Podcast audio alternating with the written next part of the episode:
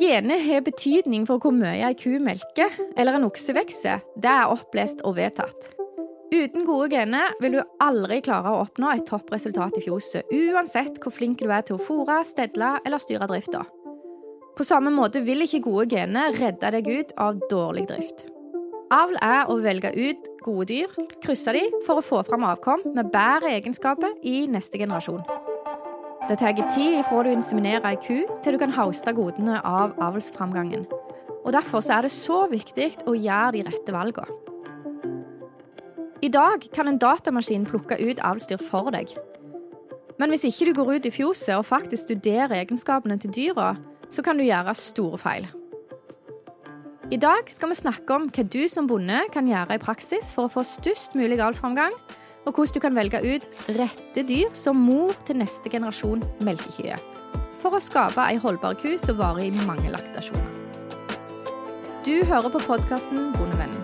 Mitt navn er Ingvild Luteberget Nesheim.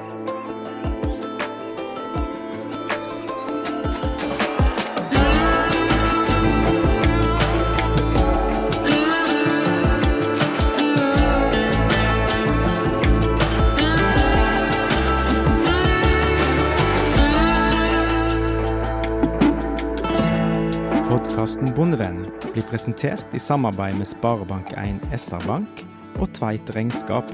Vi bidrar til at bonden lykkes. I dag har vi gjort en vri. Jeg har bytta ut programlederkollega Magnus med Hanne Warhaug Helland. Veldig kjekt at du, Hanne, ville være med i studio i dag. Og du er jo selvstendig avlsrådgiver og har vært opptatt av avl hele livet. Hei, Ingvild, og så vanvittig kjekt og spennende å få lov å være med på dette her. Ja, jeg har alltid vært i overkant interessert i avl på kyr. Litt spesiell interesse, kanskje, men uh...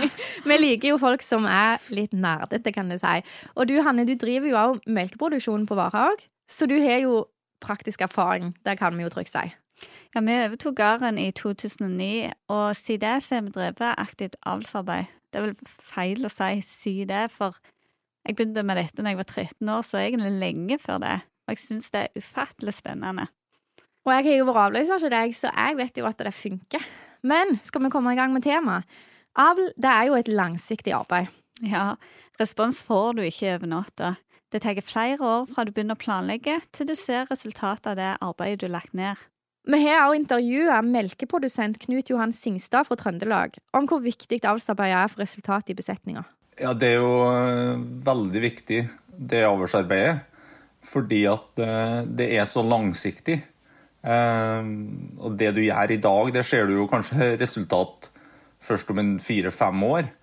Og så kan du jo si at eh, du har fremdeles bare forbedra ett ledd i, i, på kua.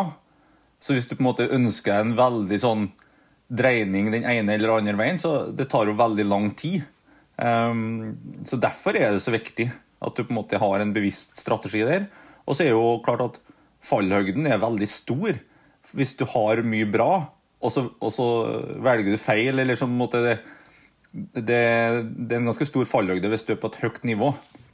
Så det, det er veldig viktig å ha fokus på, på avlsarbeidet på, på storfe. Hvor godt kua presterer, er en kombinasjon av arv og miljø. I denne episoden vil vi fokusere på arven, altså genetikken, og så tenker jeg det er en del begrep som vil være lurt å definere før vi går i gang med episoden. Hvis vi begynner med gene, da, så er jo det oppskriften på egenskapet hos dyret. Det er altså kode for egenskapet som går i arv til neste generasjon. Mens en egenskap der kan eksempel være fettprosent eller spenalengde. Og for at du skal kunne avle på den egenskapen, så må den være arvelig. Mm. En indeks det vil fortelle oss hvor stor framgang du kan forvente å få på den egenskapen det er snakk om. Og For å ta et eksempel, hvis du har en okse som har høy indeks for spenalengde, så vil avkommet sannsynligvis ha lengre spener. Mm. Og så må vi forklare hva et avlsmål er. Et avlsmål forteller om retningen i avlsarbeidet. Altså hva egenskap vi ønsker å utvikle med avlen, og hvor mye det skal vektlegges. Og med vektlegging så mener vi hvor stor fokus denne egenskapen får. Altså hvor mye vekt du legger på den egenskapen, og det påvirker hvor stor framgang du får. Jeg tenker at avlsfirmaene står for de overordnede avlsmålene for rasen. Vi som bønder må finne ut hvilke mål som er viktige for oss i vår besetning med våre problemer eller utfordringer, og ut ifra hvor vi vil med besetninga. Avlsfirma det er jo for eksempel Geno, som har ansvar for avlen på NRF. Og på Holstein i Jersey så finnes det mange, eh, og her er noen eksempel. Det er Viking, Worldwide Sires, CRV, ABS og Cemex. Noen egenskaper er veldig arvelige, mens andre er mindre arvelige. Hvis vi tar fettprosenten som et eksempel, så er den veldig arvelig, mens fruktbarheten er lite arvelig. Og genene har da større betydning for fettprosent enn for fruktbarhet, som er mer påvirka av miljøet. Og det vil jo si at det tar veldig lang tid før du får respons når du avler på fruktbarhet. Mens når du legger vekt på fettprosenten som er høyt arvelig, så vil du få en mye raskere framgang og se resultatet mye fortere i din egen besetning. Vi har også snakket med melkeprodusent Erik Vilgås, som har en veldig høytydende Holstein-besetning på Huglo. Nå skal vi høre hva egenskaper han fokuserer på i avlen. Egenskapene er jo en utmelking og mastitt, fruktbarhet, fett og protein. Eh, legger egentlig ikke vekt på melkemengde, for han får de alltid til å melke legger mer og mer vekt på jur i forhold til robot skal fungere i robot. Spenestilling, spenelengde. Ikke for framtunge jur som skjuler bakspenene. Alle de tingene som Erik fokuserer på, er jo viktig for avlsarbeidet. Og bonden bør i stor grad legge vekt på egenskaper som er høyt arvelige, som eksteriøregenskaper og produksjonsegenskaper, for å få en endring i sin egen besetning. Med eksteriøregenskaper så mener vi jo egenskaper som går på hvordan kua ser ut.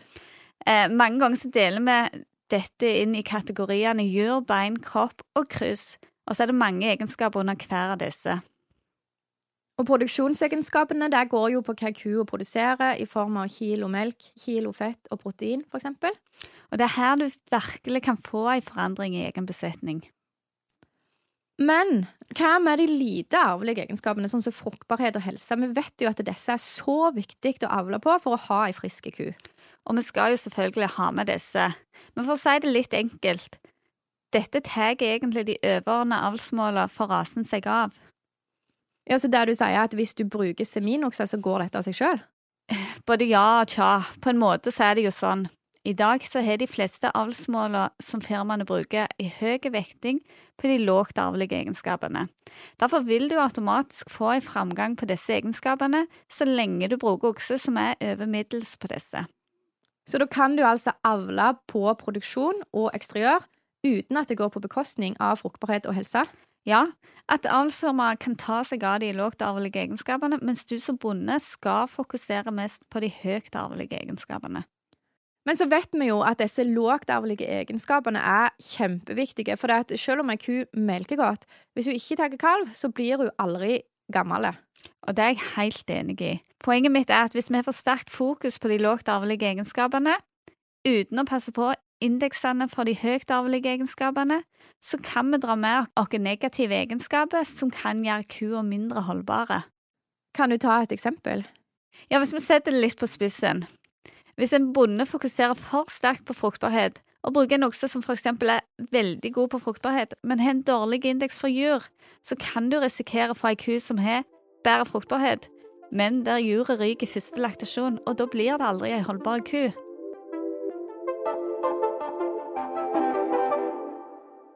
I episoden som heter Kvigeangst, så snakket vi jo om hvor viktig det er å få til holdbare kyr, både for dyrevelferden, klima og ikke minst for økonomien på gården. Og jeg vet jo at du òg, Hanne, er veldig opptatt av det. Hva tenker du er de viktigste egenskapene å fokusere på for å få kyrne til å leve lenger? Først og fremst så må jo dyret produsere godt nok til å fortjene sin plass i fjoset. Hvis hun ikke gjør det, så blir hun ikke værende lenge. Men for å kunne tåle en høy produksjon, så må kua ha et funksjonelt eksteriør. I tillegg så må hun holde seg friske og ta kalv. Og vi tror at vi lever under mye prøys. Det er jammen godt vi ikke er ku. ja, det lukker at det er litt forskjell der. Eh, eksteriøret er jo på en måte fasaden til kua. Og det kan jo høres litt løye ut at vi har så stort fokus på hvordan kua ser ut, når det er hvordan hun produserer og fungerer i fjoset som teller. Ja, det skal jo liksom ikke være en skjønnhetskonkurranse, men uh, Miss Jæren er jo faktisk kåring av uh, den fineste kua, da. Ja, det er det faktisk. Selv om vi ikke skal lage utstillingskyer i fjoset, så må vi ha litt utseendefokus for at de skal bli gode produksjonsdyr. Sånn at hun kan tåle den høye produksjonen, og ha et eksteriør som bærer produksjonen. Og, og da tenker du på Men det så mener jeg at hun må ha et sterkt jur med gode fester og god spennestilling, sånn at hun kan molke uansett hva fjordsystemet går i. Hun må også ha gode bein, sånn at hun kan bevege seg rundt i fjoset og både ete nok og melke seg ofte nok. Ja, og alt dette her vet vi jo er kjempeviktig for å få god flyt i fjoset, sånn som vi snakket om i, i Mm. andre episoder. Det er helt sant. Eh, og i tillegg så må vi fokusere på å lage ei ku med god grovfòrkapasitet, sånn at hun kan produsere melk på en høy andel grovfòr, og klare å dekke energibehovet sitt når hun melker så mye. Og som jeg har mast om så mange ganger før, høyt grovfòropptak er nøkkelen for å holde ei høyt utdannet ku friske og med god fruktbarhet. Og det er jo da miljøsida av dette. Men hvis vi skal få til dette, så må vi jo avle fram ei ku som har plass til dette grovfòret. Ja, det må vi. Dette gjelder uansett om det er Holstein, NRF, Jersey eller andre melkeraser. Ja, Vi må altså avle på kyr som er både breie og dype, sånn at de har plass til ei stor vom, god kapasitet og har mulighet til å ete mye. Men det vil jo ikke akkurat gå inn i skjønnhetsidealet til Miss Universe. Nei, det er faktisk helt sant. Overgangen til genomisk seleksjon er et stort framskritt i storfeavlen. Men vi skal ikke bruke mye tid på organiseringen av avlsarbeidet i dag. Men det er greit å vite hva genomisk seleksjon er, og hvorfor det er så viktig. Genomisk seleksjon er når vi velger dyr ut ifra avlsverdier som har informasjon om dyrets DNA. Denne informasjonen om DNA får vi gjennom en GS-test. Dette er en prøve som du tar ut ifra øret på kalven, og så sender du det til analyse og får svar om hva egenskaper kalven er god og dårlig på. Og denne GS-testen den leser jo altså av genene eh, og forteller dyret sin genotype. Og grunnen til at det er en så stor fordel å bruke genomisk seleksjon, er at vi kan plukke ut eliteokse allerede som kalv, for vi kjenner jo genene til dyr og hva er det sannsynlig at de kan prestere. Mm. Før var det vanlig å avkomstgranske oksene før de ble tatt i bruk som eliteokse. Da måtte de ha så og så mange døtre som hadde prestert før de ble eliteokse. Og det tar lang tid. Det betyr i praksis at vi får en mye raskere avlsframgang med GS-testing, fordi at vi korter ned generasjonsintervallet betydelig. Men selv om vi kjenner genene, så vet vi ikke alt om hvordan genene påvirker de egenskapene vi ønsker å forbedre i avlen. Ja, og så I tillegg så vet vi jo at noen egenskaper styres av mange forskjellige gener. Så vi kommer ikke unna at vi må ut i fjoset, se på dyra. Altså vi ser på fenotypen, som er det vi kan observere på dyret. Mm. Og fenotypen er en kombinasjon av arv og miljø. Og det er viktig at når vi ser noe i fjoset, må vi ta hensyn til det. Hvis ikke så kan vi gå på en smell. Mm. Og det er også viktig å bruke tid å se på dyret i fjoset, for da kan vi velge okse som passer til svakheten på kyen vår. Men det kommer vi tilbake til senere i dette programmet. Vi skal altså kombinere det vi vet, med det vi ser. Og hos Erik Vilgås er dette et viktig poeng. tar jo gentest av alle kvigekalvene, så da er det jo en kombinasjon av hva den gentesten sier, og hvordan mor og gjerne bestemødre, fedre, er. Så det er jo en kombinasjon av flere ting. Én ting er det dataen sier, en annen ting er hva jeg ser i fjøset. Men nå tenker jeg at vi skal bevege oss inn på den praktiske delen av avlsarbeidet. Du som er avlsrådgiver, Hanne, hvor vil du begynne når en produsent trenger hjelp og råd til å strukturere avlsarbeidet? Det første jeg vil begynne med, er å gjøre opp en status. Hvor er besetningen nå?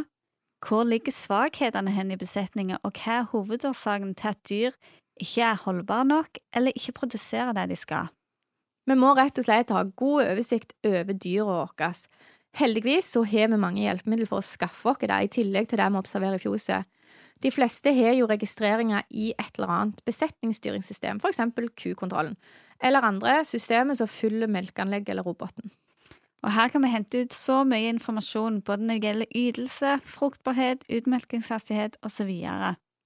Men eksteriøret sier ikke data noe om. Nei, eksteriøret må vi faktisk ut og se på kua. Det er viktig å få med seg svakhetene i eksteriøret når vi driver avl videre. Er du utrygg på å bedømme dette, så er det lurt å få med seg noen utenfra som kan hjelpe deg med det. Og når vi har gjort opp status, da må vi sette mål. Ja, det er viktig at disse målene er langsiktige. Se for deg hvor du ønsker at din besetning skal være om ti år. Målet vil variere fra besetning til besetning, både ut ifra driftsopplegg og fordi bøndene har ulike mål. Noen vil fokusere veldig sterkt på tørrstoff i melka, mens for andre er det om å gjøre å få mest mulig melk per båsplass. Skal vi høre hva overordna mål Knut Johan Singstad har?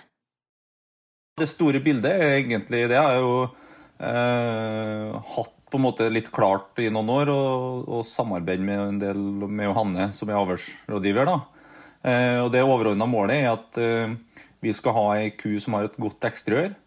Eh, hun skal helst vare i, eh, hun skal vare i minimum fire laktasjoner. Eh, hun skal ha god helse, og så får hun uh, mjølk det hun klarer. Altså, uh, det er ikke noe mål om høy ytelse, men, men, det er klart at vi må få kua til mjølk òg. Så det er egentlig det som er det overordna. Og så er det en ting som vi har tatt mer og mer hensyn til, og det er at vi skal ha ei ku som mjølker mye på grovfôr og, og helst gras. Ehm, det kommer jo eh, enda mer. Eh, sånn som verden er nå, så er det enda viktigere å ha fokus på. Men det er det overordna målet, og spesielt det at vi skal ha ei ku med godt eksteriør, og som varer i fire laktasjoner, det, det jobber vi veldig etter. Når vi lager en strategi over avlsarbeidet, så er det også viktig å finne ut hvor mange kviger trenger du til rekruttering hvert år. For det oppfòring av kviger fra fødsel til innkalving er dyrt, og det ligger på en kostnad mellom 17 til 20 000.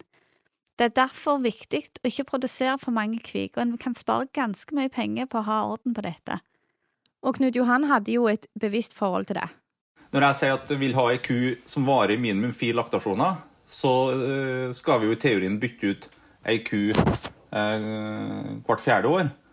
Og da trenger vi å bytte ut 25% av besetninga hvert år. Og det har vi styrt etter. Ehm, og vi klarer å holde oss mellom 20 og 30% ehm, Vi har vært helt ned i 20 eh, med rekruttering. Det, det er litt risiko med det. Ehm, men gevinsten av å kunne bruke kjøttfe på de andre dyra mener jeg er såpass god da, at det er verdt det. Når en går ifra å sette på alle kvigene en får, altså 50% av kalvene, til å redusere rekrutteringsprosenten ned mot 20-30% så må en begynne å gjøre bevisste valg på hvem det er som skal få lov å bli mor til neste generasjon melkekyer.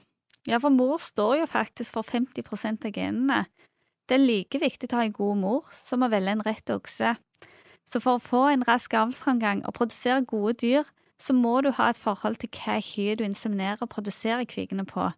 Det må være den beste delen av besetninga, både i forhold til eksteriør og produksjon men de skal jo selvfølgelig ha god helse og fruktbarhet òg.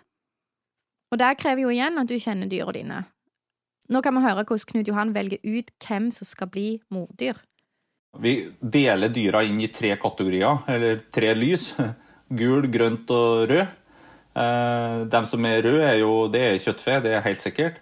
De som er grønne, det er jo dem vi er helt sikre på vi skal ha med videre. Eh, og så er det dem som er gule, dem er vi i tvil om. Eh, det vi legger vekt på, det er jo mye eh, mor, mora sin prestasjon.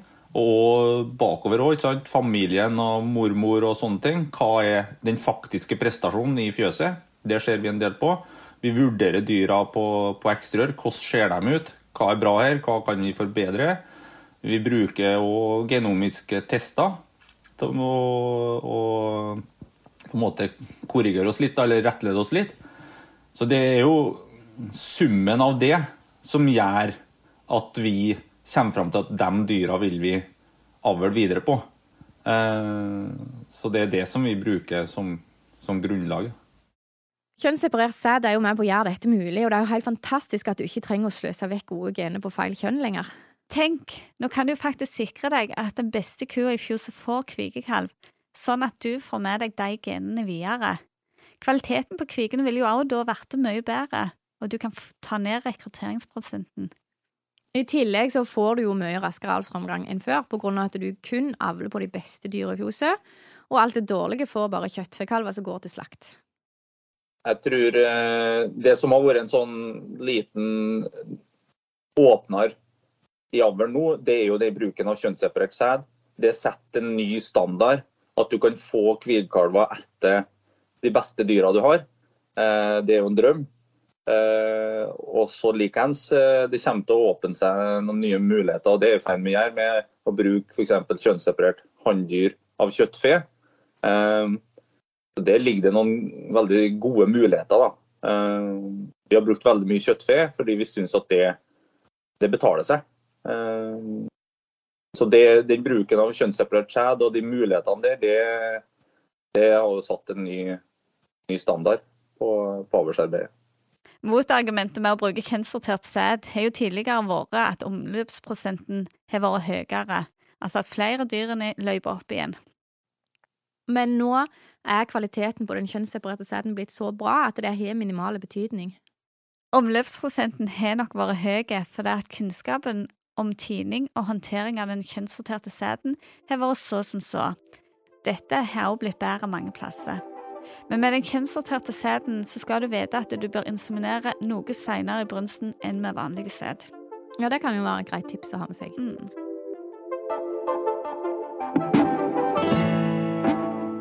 Denne episoden er sponsa av Felleskjøpet Rogaland Agder.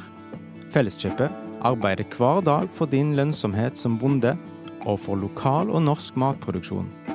Ta kontakt med en av våre konsulenter eller gå inn på nettsidene våre bondekompaniet.no. Men så skal vi jo ikke glemme faren oppi dette. Han står jo tross alt for 50 av genene han òg, selv om han ikke så mye med avkom å gjøre etterpå, da. Å velge okser som er sterke på de egenskapene som er svake i besetninga, er avgjørende for å få avlsframgang. Når vi har GS-testing som grunnlag for hvem som blir eliteokse, så ser vi at noen okser detter helt igjennom når de får avkom som presterer. Ja, det vil si at de leverer ikke det som gentesten viste, på en måte. Mm, det vil si det. Ja, og da er vi jo helt avhengig av å få inn opplysninger om det, sånn at vi kan korrigere eh, avlsverdien. For det at eh, du ser fenotypen, altså hvordan dyret fungerer i praksis, og da kan du bruke det til å korrigere avlsverdien. Og da finner vi ut hvilke okser som kanskje ikke burde vært med likevel. Mm.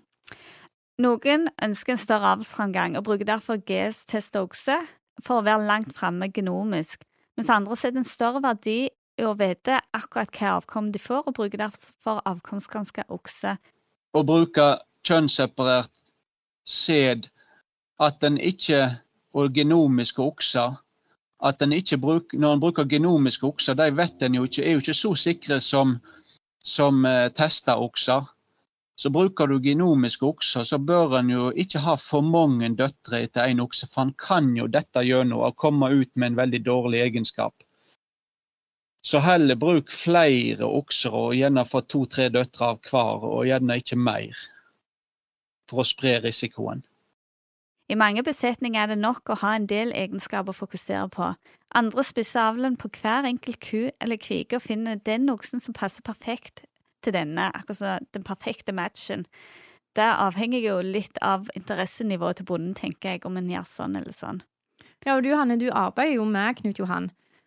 Skal vi høre hvordan dere gjør det når dere velger ut okser? Det er jo stor grad jo Hanne som setter opp den avlsplanen. Uh, men nå er jo her en runde på høsten. Uh, der vi bruker mest en dag på å gå gjennom hva er status på dyra. Eh, og Da ser vi jo på dyra òg, ser på kyr og kviger. Og da ser vi på aktuelle okser samtidig. Eh, og da går vi gjennom hvordan okser eh, passer til de ulike dyra. Og vi prøver å velge ut okser som, som har litt forskjellige egenskaper. Noen er kanskje sterkt på ekstrør, noen er sterkt på mjølk, og noen er sterkere på helse og fruktbarhet. Og så bruker vi dem på de forskjellige dyra ettersom det passer seg. Sånn som Knut Johan beskriver her, er en måte å arbeide på, men det mest vanlige er at vi velger ut tre til fire okser som passer til svakheten i besetninga, som samtidig gir framgang på de egenskapene bonden ønsker, og så bruker vi disse på hele besetninga. Erik Vilgås har jo et godt eksempel på hvordan han velger ut okse til kvigene som han avler på. Altså Rekrutteringen skjer hovedsakelig på kviger. Og da har du jo en gentest, men du har jo ikke noe, jo ikke noe melkemengde om de tungmelker og en del sånne ting. Men du ser da på at den profilen på den oksen som du har, skal passe sammen med profilen på kviga, samtidig som at du kjenner mor til kviga og bestemor til kviga, så du ser, vet, vet, at der er kviga veldig lett kommer med en gentest som er veldig lettmelka, men mora er middels og bestemora middels, så bruker du ikke en okse som da er tungmelka på den eller seinmelka på den kviga for da at hun har er lettmelka. For du vet at det ligger gener ba, lenger bak som er sånn middels utmelking på. Eh, så da finner du middels eller lettmelka fremdeles til den kviga. Det er jo de ulike avlsfirmaene som produserer sæd til semin. Ja, og Derfor skal vi huske at alle avlsfirmaer er bedrifter, og alle er ute etter å tjene penger på det produktet som vi kjøper. Derfor vil også alle mene at sitt produkt er det beste. Vi må derfor vite hva kriterier selskapet setter til mora til oksen, sånn at vi vet hva resultat vi kan forvente å få i vår besetning. Men hvordan kan du som bonde få informasjon om hva kriterier avlsselskapet setter, og hvordan vil du bruke den informasjonen? Avlsfirmaer bruker jo okse fra kyr som er blitt kåret, og nå har jo alle mødre test som gjør at vi kan få se testen. Nå har jo jeg mest kjennskap til Holsteinverden, og her ligger jo all informasjonen på nettet, sånn at du kan gå inn og se hvordan mor og bestemor og videre slekt har prestert. Vi snakket jo tidligere om hvordan GS-testing gjør at vi kan bruke yngre okser, og på den måten redusere generasjonsintervallet. Men vi kan også redusere generasjonsintervallet med avle på unge huddyr, altså kviger, istedenfor kyr, for kvikene er jo yngre. Samtidig så har de kommet lenger i genetikken, og derfor får vi en større avlsframgang med å produsere framtidens melkekyr på kvigene. Men når dette er sagt, så er det fortsatt sånn at vi i mange besetninger bruker kyen istedenfor kvigen til å avle på, for det at variasjonen på de kvigene som kalver inn, er så store, og bonden verdsetter mer et sikkert kort enn en høy avlsframgang. Vi vet aldri helt hvordan ei kvige vil fungere før hun har vært i produksjon. Og mange ganger så vil det derfor være fornuftig å avle på eldre kyr, for det at vi vet at de fungerer, og vi vet hvilke styrker og svakheter de har. Hør nå hva Knut Johan tenker om dette. I teorien så har jo kvigene det høyeste genetiske nivået. Men så er det jo sånn at noen kyr og noen familier, de fungerer jo bare.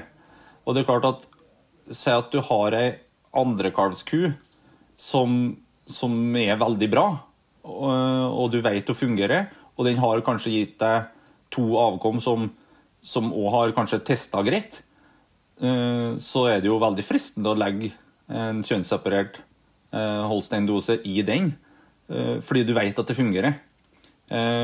Så jeg vil anslå at vi ligger kanskje på at vi rekrutterer ja, en tredjedel fra mjølkekyr og to tredjedeler fra kviger. Hvis vi har en besetning der det ikke har vært så stort fokus på avl, så er det jo mulig å ta noen snarveier. Du kan jo kjøpe inn dyr som har bedre gener, men det er jo en risiko å kjøpe dyr med tanke på smitte. Derfor så kan vi jo sette inn embryo, altså ferdigbefrukta egg, i ei ku, og du kan da hoppe ti år fram i tid i forhold til avlsmessig framgang. Og da bærer jo kua fram en kalv som man ikke er i slekt med i det hele tatt. Men det er viktig å få fram at et embryo ikke automatisk er bedre enn en kalv du kan få med vanlig befruktning i din besetning. For det er jo viktig at det embryoet har de genene du er på jakt etter. Når du skal velge ut hva kvige eller ky du skal legge inn embryo på, så har ikke genen til dette dyret noen betydning. Det dyret vil jo ikke engang være i slekt med kalven som blir født.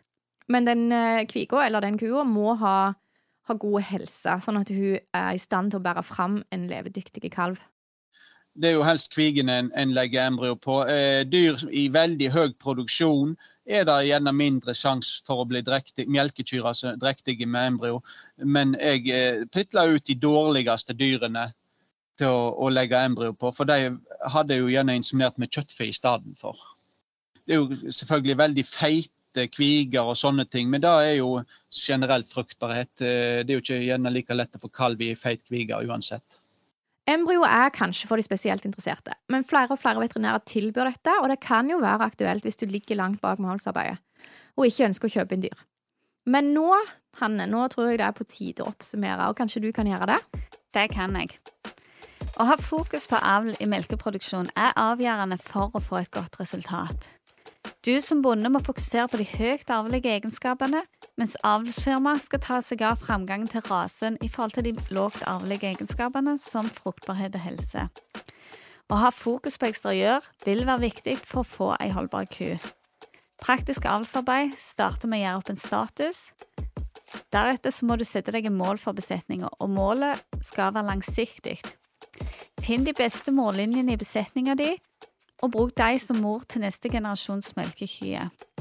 Bruk okse, som er sterke på de egenskapene som du ønsker å styrke i besetninga di.